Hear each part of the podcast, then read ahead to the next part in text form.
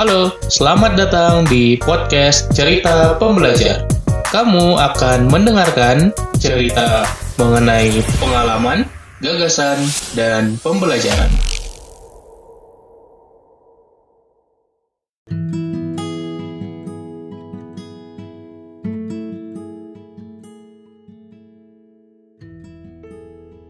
Halo teman-teman, selamat datang di episode 62, episode kedua di season 3. Kali ini gue pengen bahas tentang konten, bikin konten.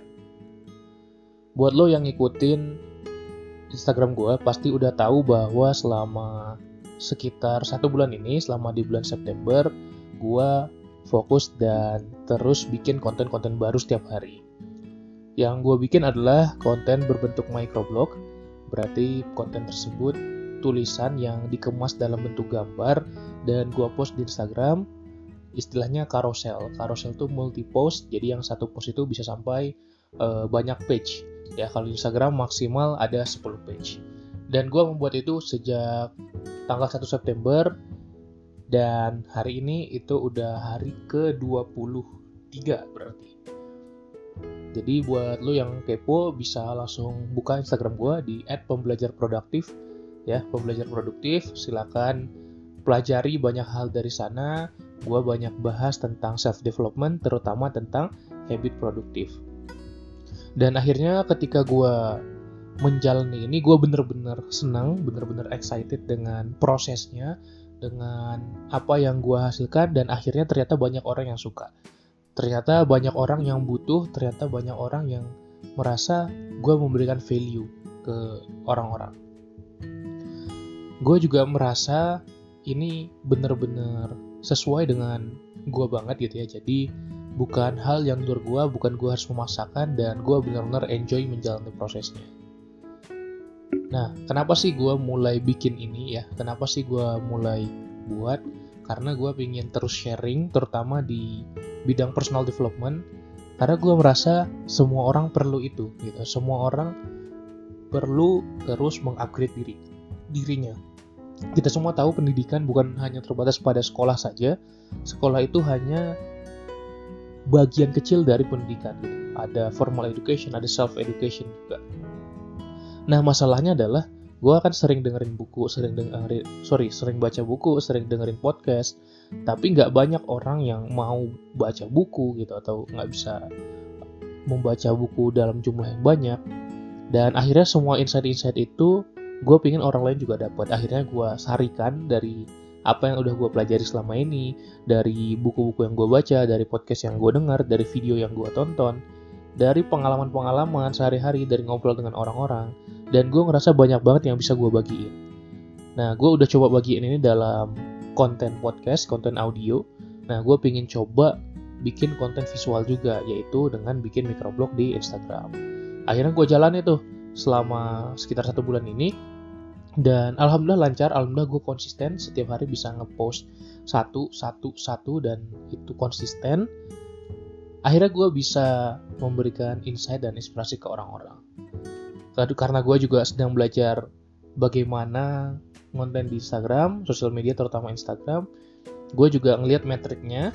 Metrik itu uh, ukuran-ukuran yang men menyampaikan keberhasilan dari suatu postingan gitu. Jadi ada tentu uh, lo yang dengerin pasti tahu ya ada like, ada komen, ada share, ada save dan itu nanti kita sebut sebagai engagement kemudian growth-nya uh, metriknya itu sebenarnya aman-aman aja sejauh ini bagus selalu berkembang tapi gue selalu menjaga diri gue untuk nggak berfokus ke hal tersebut gitu jadi jangan jadikan itu sebagai target utama jangan jadikan itu sebagai hal yang ingin kita capai. Kenapa? Karena kalau misalnya gue aim itu sebagai target utama gue kalau gue gagal gue nggak pengen lanjut lagi gitu. Kalau misalnya gue udah bikin uh, konten terus ternyata follower gue nggak naik-naik gitu ya artinya gue nggak akan bisa bertahan lama untuk terus bikin konten gitu karena tidak tercapainya si tujuan gue tadi. Jadi buat lo yang mau mulai bikin konten, coba lo harus punya tujuan yang jelas, lo harus punya motivasi yang kuat dulu supaya lo bisa uh, bertahan lama di game ini gitu. Karena akhirnya yang membuat orang sukses atau gagal adalah konsistensi untuk terus melangkah. nah itu pendapat gue pribadi sih dan setelah menjalani ini gue mulai menemukan pola-pola gitu gimana cara gue harus mendesainnya bagaimana cara gue melakukan dari ide sampai jadi grafis atau visualnya bagaimana gue bikin caption bagaimana cara gue ngeriset hashtag dan banyak hal-hal teknis lainnya. Tapi yang ingin gue share di podcast kali ini bukan hal-hal teknis karena udah banyak jagoannya di sana. Gue nggak usah ngebahas itu lu bisa tinggal cari aja pasti udah banyak banget. Nah, yang pengen gue bahas adalah buat lo yang baru banget mau mulai. Buat lo yang baru banget mau mulai, gue bakal kasih tahu tahapan-tahapan apa yang harus lo lalui supaya dari awal sampai akhir, uh, ketika ini tahap permulaan ya, tahap permulaan lo bisa memulai dengan baik. Jadi bukan bagaimana lu komitmen atau bagaimana lu konsisten melakukannya terus, tapi bagaimana lu bisa memulai dengan baik. Nah, ada lima proses yang lu mesti lalui ketika di tahap permulaan dan ini adalah yang gue lalui juga, ini adalah yang gue jalani, jadi ini based on experience. Lu tinggal ikutin aja, dan kalau misalnya lu ikutin ini, gue yakin lu akan memulai bikin konten dengan baik. Proses pertama adalah lu harus tentuin purpose, ya. Proses pertama lu harus tentuin tujuan lu apa. Apakah lu pingin bikin konten supaya mengisi waktu luang, atau lu pengen bikin konten supaya lu terkenal atau lu pengen bikin konten supaya lu bisa dapat duit passive income mungkin atau lu pengen bikin konten supaya lu bisa sharing aja. Dan setiap orang itu punya tujuan yang berbeda-beda. Dan it's okay gitu. Nggak nggak bisa kita simpulkan ini lebih baik dari yang lain gitu. Nggak. Semua orang boleh punya purpose yang beda-beda. Nah kalau buat gue pribadi purpose gue adalah untuk bisa terus sharing. Gue ngelanjutin uh, konten-konten gue yang tadinya di audio gue convert ke visual. Walaupun ada challenge-nya nanti tapi gue pengen terus sharing sharing dan sharing tentang self development.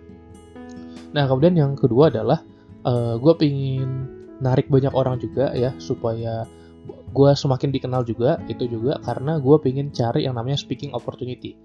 Jadi buat lo yang mungkin ngikutin Instagram gue, lo tahu gue sering ngisi di berbagai seminar, berbagai online class, uh, berbagai training, terutama tentang personal development, kadang-kadang tentang human resource juga, kadang-kadang tentang productivity, tentang learning, dan gue pengen menjadi public speaker. Nah, untuk menjadi public speaker, kita semua sepakat bahwa lo nggak cukup cuma belajar knowledge-nya aja, lo pelajari apa-apa yang dibutuhkan sebagai seorang public speaker, bagaimana kita melakukan eye contact, body language, dan seterusnya, tapi juga perlu yang namanya skill, dan skill itu didapat dengan latihan. Kalau mau menjadi public speaker, berarti latihannya adalah kita perlu punya banyak panggung. Nah, maka di awal-awal ini gue pingin cari banyak panggung, bukan buat untuk gue dibayar, tapi untuk gue berlatih. Untuk gue bisa berlatih ngomong di depan banyak orang walaupun in this case zaman pandemi seperti ini masih virtual that's okay. Jadi gue pengen menebar jaring aja supaya banyak speaking opportunity yang masuk dan alhamdulillah selama beberapa bulan ini juga banyak yang masuk gue sering isi dan itu bener-bener uh, ngebantu ketika gue terus bikin konten ini uh, lama-lama banyak speaking opportunity yang masuk juga. Jadi itu purpose gue dan lu harus tentuin purpose lu itu seperti apa di awal sebelum lu masuk ke proses-proses selanjutnya. Gitu. Jadi itu yang pertama. Kemudian yang kedua lu bisa masuk ke proses penentuan niche ya niche atau ceruk itu adalah hal spesifik atau domain lo apa yang mau lo bahas karena ketika kita punya suatu akun lah ya katakan akun di sosial media tapi kita bahasnya mungkin kadang bahas A, kadang bahas B, kadang bahas C, kita nggak punya personal branding yang kuat. Nah, personal branding ini penting ketika kita hendak buat konten karena kita akan dikenal orang lain dengan si branding kita itu, gitu. Nah, niche itu udah banyak banget. Lo bisa ikuti aja. Lo pengen bahas apa? Lo pengen bahas tentang uh, sosial media, lo pengen bahas tentang komunikasi, lo pengen bahas tentang traveling, lo pengen bahas tentang makanan, kuliner, lo pengen bahas tentang jalan-jalan, lo pengen bahas tentang uh, politik mungkin macam-macam itu bisa gitu. Jadi lo tinggal pilih spesifik niche lo apa gitu. Kalau misalnya gue, gue karena emang dari dulu uh, bahkan sebelum rame istilah ini ya, gue pengen memang sudah bergerak di bidang personal growth atau self development dan niche ini sekarang sedang sangat populer di Instagram. Sehingga ketika gue membuat niche ini, gue nggak bisa hanya sampai spesifik saja. Gue harus super spesifik. Nah, maka karena spesifik niche gue adalah personal development, super spesifik niche-nya apa? Nah, kalau misalnya di Instagram banyak tuh yang udah bahas personal branding, banyak juga yang khusus tentang berkomunikasi niche-nya, banyak juga uh, ada juga personal development gitu ya untuk introvert, ada juga productivity untuk mahasiswa. Banyak sekali berbagai spesifik niche yang bisa lo cari. Nah, kalau gue super spesifik niche yang bakal gue bikin adalah habit produktif.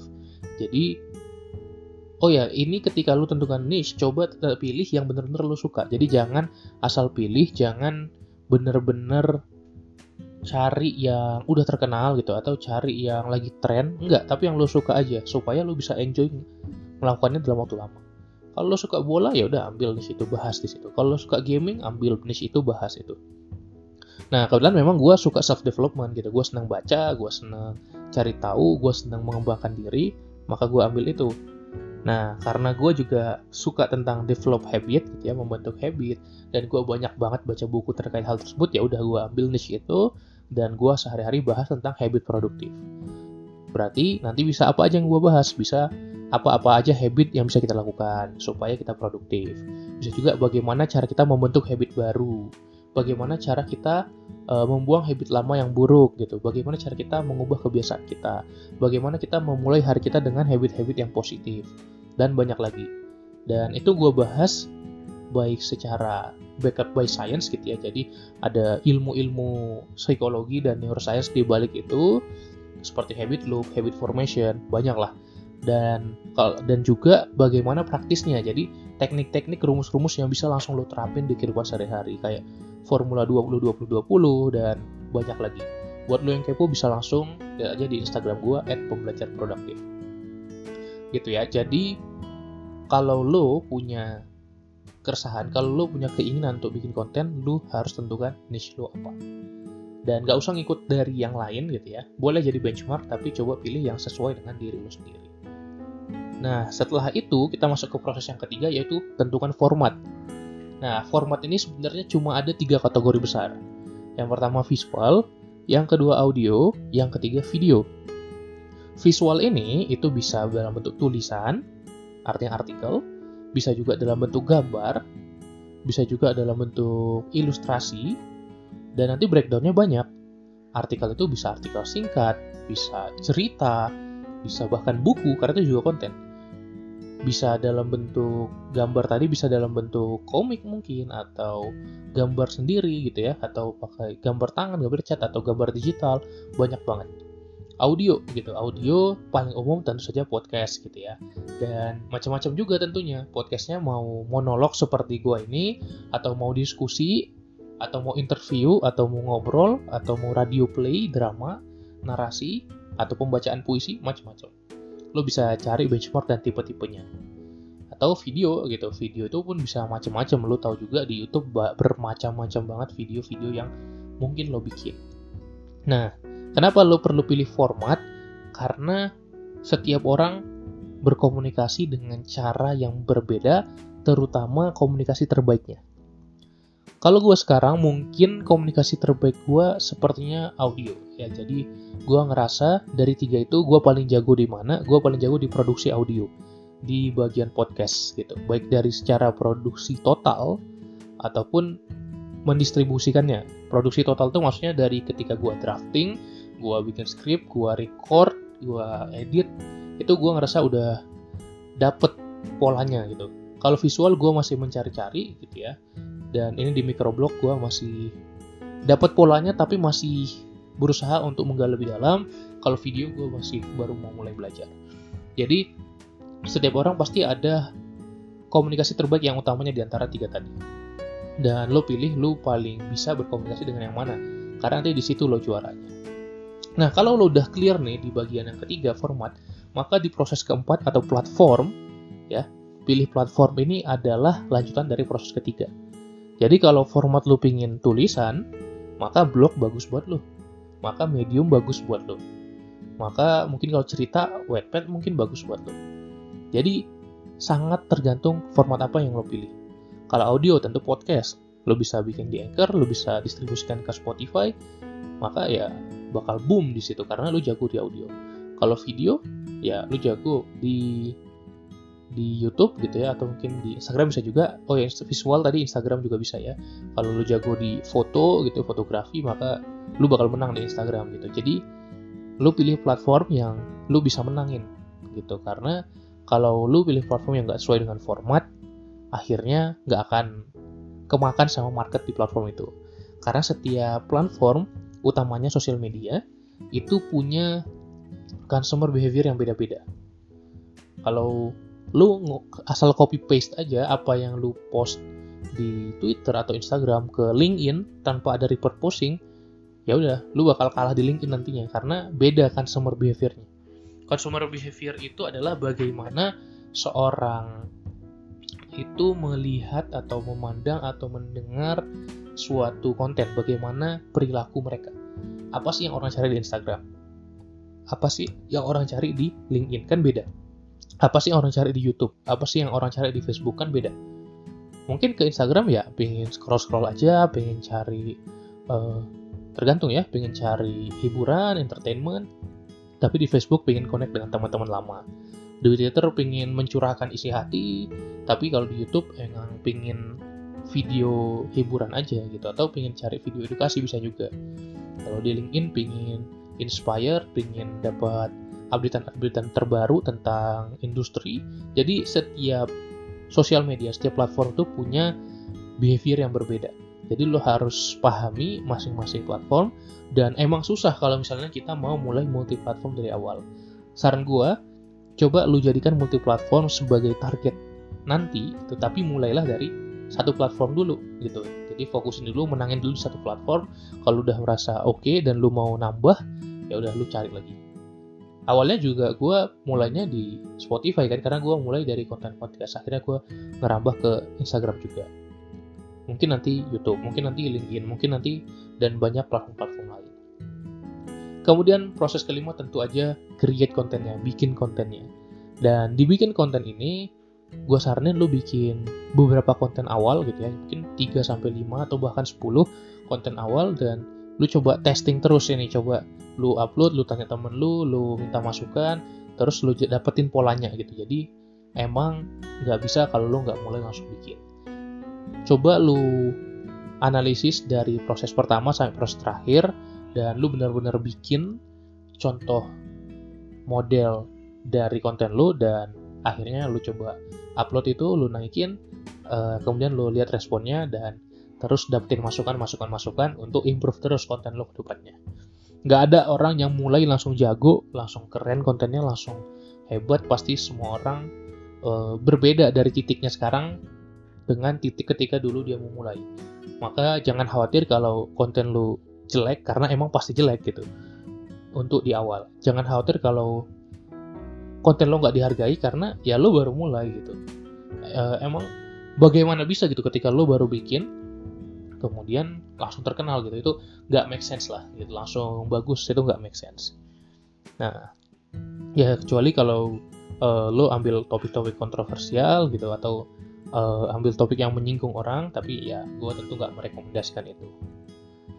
Nah tadi gue udah kasih tahu 5 proses ya yaitu penentuan purpose gitu kemudian niche lalu yang ketiga format yang keempat tentuin platform dan yang kelima mulai membuat mulai create gue pingin note satu hal lagi sebelum gue tutup episode kali ini yaitu please coba tanamkan mindset bahwa ketika lo bikin konten lo harus bikin sesuai dengan nurani lo aja. Sesuai dengan apa yang lo sukain.